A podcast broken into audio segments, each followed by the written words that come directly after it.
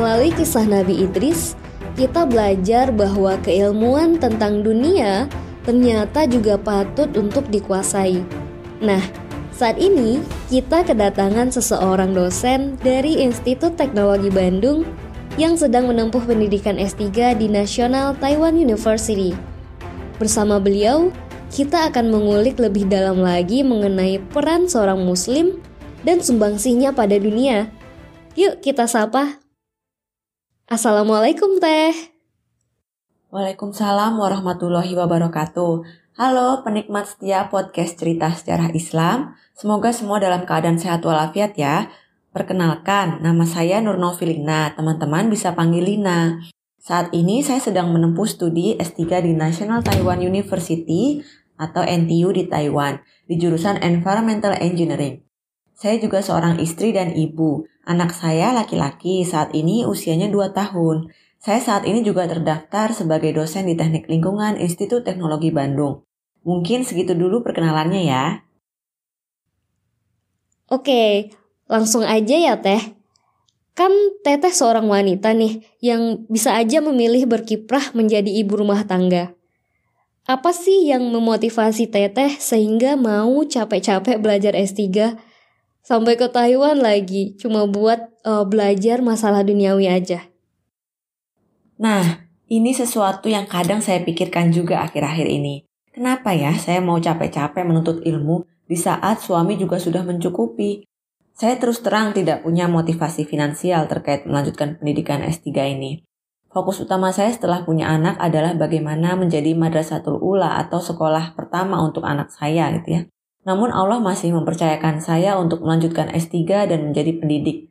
Nah, saya lebih prefer kata pendidik sebetulnya ya dibanding pengajar karena hakikatnya saya itu tidak ingin hanya mentransfer ilmu pengetahuan saja ke mahasiswa saya kelak gitu ya, tapi lebih dari itu saya ingin mentransfer value dan hikmah kehidupan uh, yang saya miliki gitu ya karena saya rasa itu jauh lebih berharga. Nah, kembali lagi saya berhusnuzon gitu ya kepada Allah gitu bahwa uh, ini adalah bentuk kasih sayang Allah kepada saya gitu. Dengan saya bisa S3 dan menjadi pendidik itu akan menambah ladang amal soleh buat saya gitu ya untuk bekal pulang nanti ke akhirat. Nah mungkin dengan berkiprah di sinilah saya bisa punya kebermanfaatan dalam hidup ini. Dan saya yakin teman-teman kita semua itu pasti punya tugas spesifik untuk apa kita diciptakan di dunia ini. Semoga dilancarkan studi S3-nya ya Teh. Oh iya ngomong-ngomong, mana yang menurut Teteh lebih penting ilmu akhirat atau dunia? dan bagaimana cara kita menyelaraskan ilmu tersebut agar bisa gitu sama-sama mengantarkan kita pada ridhonya Allah. Bagi saya, ada ilmu akhirat yang wajib dimiliki oleh semua manusia. Contohnya adalah ilmu akidah. Bahkan bagi saya, ini adalah pondasi di atas ilmu-ilmu yang lain. Wajib bagi semua manusia itu mengenal siapa dirinya, siapa Tuhannya, apa pedoman hidupnya, siapa tuntunan hidupnya gitu ya. Nah kemudian berikutnya ada ilmu fikih sederhana seperti tata cara sholat, puasa, zakat. Nah kedua hal ini menurut saya wajib dipelajari siapa pun kita, sesibuk apa pun kita gitu ya. Nah setelah itu barulah ilmu dunia. Memang tidak semua orang wajib mempelajarinya, tapi bukan berarti ilmu dunia itu tidak penting. Ilmu dunia yang dipakai dengan benar di tangan orang-orang yang lurus akidahnya tentu akan sangat bermanfaat dalam kehidupan ini. Barangkali kita itu kehilangan figur ya, bagaimana ilmu dunia itu bisa dipakai menyelamatkan banyak jiwa gitu ya, atau bukan hanya sekedar komunitas memperkaya diri sendiri gitu ya. Tapi kalau kita belajar sejarah kejayaan Islam, kita bisa dapati bahwa ilmu dunia itu yang dipelajari oleh para muslimin pada masa itu bahkan bisa menyingkirkan dark age di benua Eropa atau kita kenal dengan istilah Renaissance Nah, pada masa itu Eropa belum siap menerima ilmu pengetahuan gitu ya, sehingga banyak ilmuwan-ilmuwan mereka yang dihukum mati karena melawan ya kehendak dari gereja pada saat itu ya. Namun di belahan dunia lain ilmuwan-ilmuwan Islam tuh berhasil menemukan banyak hal mulai dari ilmu sosial, uh, sains, astronomi dan bahkan kebanyakan dari mereka itu terinspirasi oleh ayat-ayat Al-Qur'an. Saya coba sedikit cerita tentang uh, Jabir ibnu Hayyan atau di barat itu dikenal dengan nama Jeber, Geber. Nah, Jabir Ibnu Hayyan ini dikenal dengan Bapak ilmu kimia gitu yang hidup di tahun 750 sampai 803 Masehi. Ia menemukan teori atom dan prinsip-prinsip unsur besi atau uh, ya kita kenal di tabel periodik unsur itu ya Fe gitu ya. Nah, itu beliau dapatkan setelah membaca Al-Quran surat ke-57 atau surat Al-Hadid. Surat Al-Hadid ini artinya besi, bayangkan. Jadi uh, setelah membaca surat Al-Hadid ayat 25 sampai 26 ya, beliau berhenti kemudian uh, terinspirasi gitu. Kemudian masuk ke dalam laboratorium sederhana di rumahnya dan meneliti. Yang konon hasil penelitiannya, manuskrip-manuskrip yang ditulis Jabir Ibnu Hayyan inilah yang pada saat Spanyol berhasil menguasai Islam pada tahun 1000 400-an gitu ya. Kemudian manuskripnya itu berpindah tangan dan akhirnya uh, pada tahun 1800-an itu dikembangkan oleh John Dalton sehingga ia dikenal dengan penemu teori atom. Tapi sebelum jauh sebelum itu Jabir Ibnu Hayyan ini sudah uh, meneliti tentang apa itu unsur besi. Nah, kemudian ada juga Al-Khwarizmi ya, kalau kita pernah dengar namanya. Al-Khwarizmi itu adalah seorang matematikawan ya dan dan dikenal sekali di uh, dunia bahkan dunia barat. Al-Khwarizmi ini penemu bilangan nol, uh, trigonometri dan aljabar. Jadi sejak muda Al-Khwarizmi ini bekerja untuk khalifah pada masa itu di bagian observatori gitu ya uh, untuk melihat ya perbintangan astronomi karena pada masa itu ilmu astronomi astronomi Islam itu sangat terdepan. Karena apa? Karena uh, ini nyambung karena banyak hal yang terkait syariat itu yang uh, tanda-tanda itu berasal dari langit. Misalnya masuknya bulan Ramadan gitu ya kan kita lihat nah, bentuk bulan seperti apa gitu. Kemudian pergantian waktu sholat dan lain-lain. Makanya sangat sejalan lah ilmu astronomi ini dengan syariat Islam.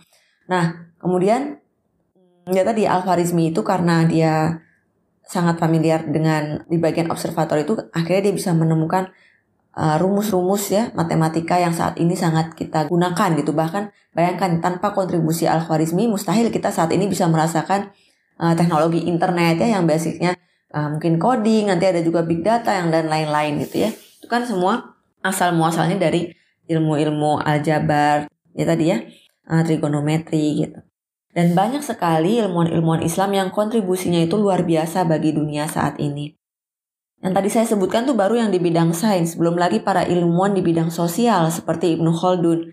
Bayangkannya bukunya yang berjudul Mukodimah itu tebalnya setebal 1336 halaman. Dan ini hanyalah pengantar gitu ya. Namanya Mukodimah itu hanyalah kata pengantar bagi kitab-kitab beliau yang lain seperti kitab Al-Ibar, Wadiwan Al-Mubtada, kitab uh, Fi Ayam Al-Arab, terus kemudian wah banyak sekali kitab-kitab beliau ya. Uh, dan Mukodimah ini adalah buku yang meramu teori-teori sosial humaniora dengan uh, sedikit singgungan ke ilmu kedokteran dan ekologi. Dan bahkan kalau teman-teman searching ya, Mark Zuckerberg itu menjadikan buku Mukodimah sebagai buku sepanjang masanya gitu ya, number one uh, to do list gitu ya, ibaratnya ya tadi buku sepanjang masanya Mark Zuckerberg. Nah bayangkan ya kita kira-kira sudah mempelajari Mukodimah, buku Mukodimah belum gitu ya. Nah ini ini baru baru ya baru yang di uh, ilmu-ilmu dunia ya padahal kalau kita lihat lagi nanti ada imam-imam yang mempelajari hadis-hadis itu juga wah banyak lagi cerita-ceritanya ya Imam Syafi'i, Hambali, Maliki nah ini semua adalah orang-orang yang mencari ilmu tapi juga punya akidah yang lurus gitu ya sehingga kebermanfaatannya bisa kita rasakan sampai saat ini. Wow, saya juga sangat terkagum-kagum dengan ilmuwan dan ulama di zaman terdahulu teh. Dengan segala keterbatasan yang ada, mereka dapat gitu ya menghasilkan karya-karya yang menakjubkan. Bahkan tak lekang dimakan zaman. Mereka belajar banyak hal dan tahu banyak hal. Tapi teh, katanya, katanya nih ya, makin banyak kita belajar dan tahu, maka makin besar pertanggungjawaban kita atas ilmu itu. Nah, kalau menurut Teteh bagaimana?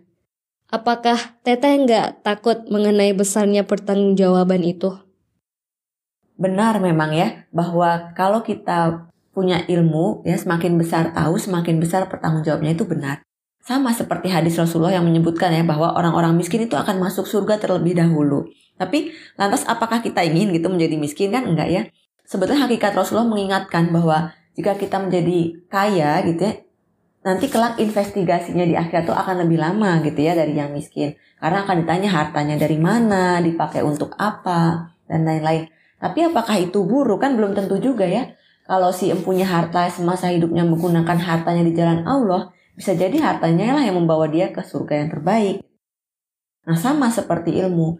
Uh, betul memang mungkin pertanggungjawabannya lebih besar. Tapi orang-orang yang berilmu itu punya kedudukan yang sangat mulia di sisi Allah gitu. Bahkan Rasulullah sampai bersabda, keutamaan orang yang berilmu atau yang mengamalkan ilmunya atas orang yang ahli ibadah adalah seperti utamanya bulan di malam purnama atas semua bintang-bintang lainnya gitu. Jadi bahkan disandingkan dengan orang yang ahli ibadah tuh masih lebih mulia orang-orang yang berilmu dan mengamalkan ilmunya. Nah, kemudian ya uh, tadi memang benar tanggung jawab orang berilmu itu lebih besar. Tapi apakah kita kemudian mau menjadi orang yang tidak tahu gitu ya, yang tidak berilmu? Memang dalam beberapa hal sih mungkin tidak tahu itu uh, apa blessing ya, ada untungnya juga. Memang di era informasi seperti saat ini kita perlu sekali bijak uh, memilah gitu mana informasi yang gitu ya perlu kita pikirkan perlu masuk ke dalam otak kita gitu ya. Mana yang nggak perlu gitu ya.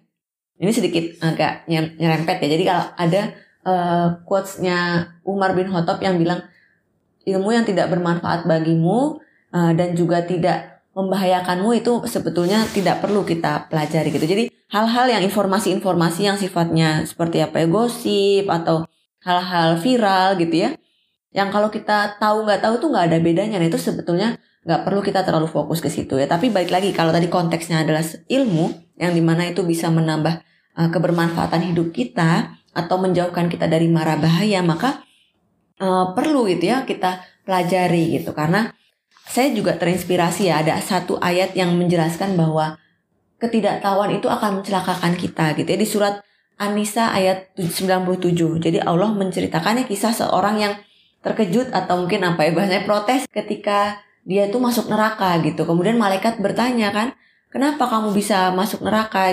Kemudian si orang itu menjawab, digambarkan menjawab bahwa aku ini uh, gimana aku ini tertindas gitu ya, aku ini jahiliyah karena tertindas. Jadi aku nggak tahu apa apa itu ya bukan karena kemauanku gitu, tapi karena aku nggak tahu gitu ya, dan terpaksa. Gitu.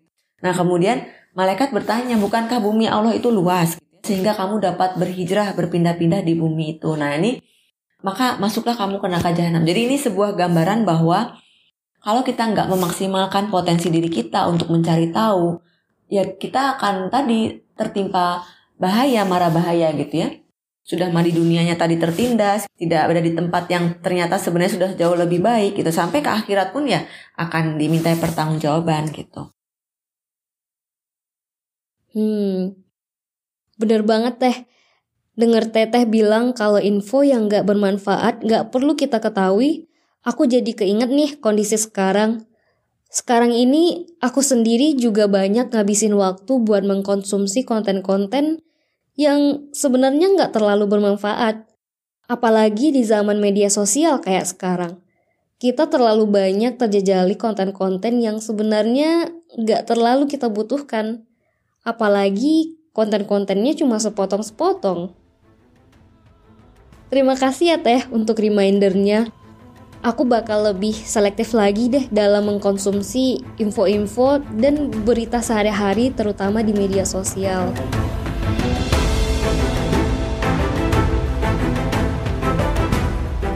Teman-teman, obrolan bersama Teh Lina belum berakhir di sini ya. Kita akan lanjutkan obrolannya di cerita ke-44. Saya Mahdiah, pamit undur diri dan wassalamualaikum warahmatullahi wabarakatuh.